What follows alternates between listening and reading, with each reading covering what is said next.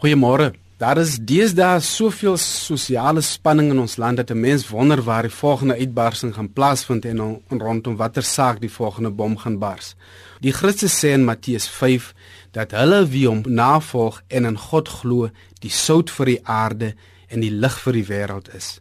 En as Suid-Afrika dan meer as 70% uit Christene bestaan, dan is daar mos eintlik baie groot vraagtekens oor die aard van hierdie Christendom waar daar nog steeds sulke blaatante rasisme, ongenaagbare ongelykhede en soveel sosiale spanning bestaan.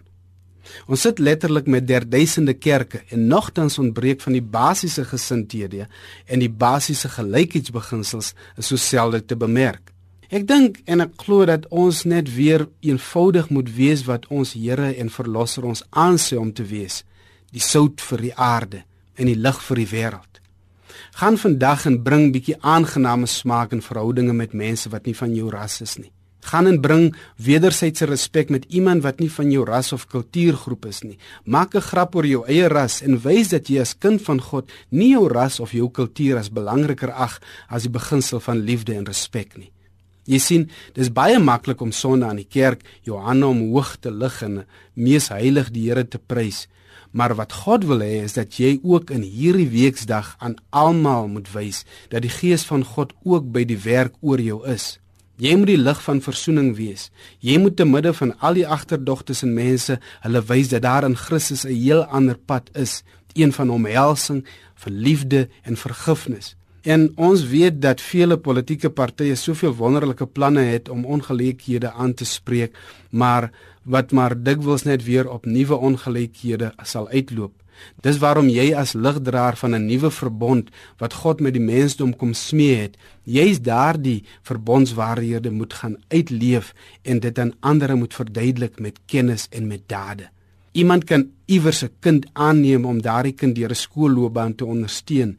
Iewers kan 'n ander een weer sy vriende bymekaar bring en hulle kundigheid aan agtergeblewe gemeenskappe gaan deel en prakties daardie gemeenskappe opbeur tot groter menswaardigheid. Op 'n ander plek kan daardie sistersgroep wat so gereeld bymekaar kom, 'n projek begin om jong meisies die lig te wys om nie as ongehuide moeders op te eindig nie. Eintlik is daar soveel maniere en wyse waarop elkeen van ons die sout vir Suid-Afrika en die lig vir ons dorp of stad kan wees. Selfs as gemeentes kan ons op daardie knelplekke in ons samelewing fokus en daardie sout en die lig wees. Bel sommer vanoggend nog jou pastoor, jou priester of jou dominee en gee aan hulle voorstelle van hoe jy dink julle as kerk saam die lig en die sout kan wees. Maar begin ten minste vandag by jouself en wees die sout vir die aarde en die lig vir die wêreld daar waar jy jou bevind vandag. Here, rig my en help my om vandag die sout vir die aarde en die lig vir die wêreld te wees sodat mense u deur my en my optrede sal sien. Amen.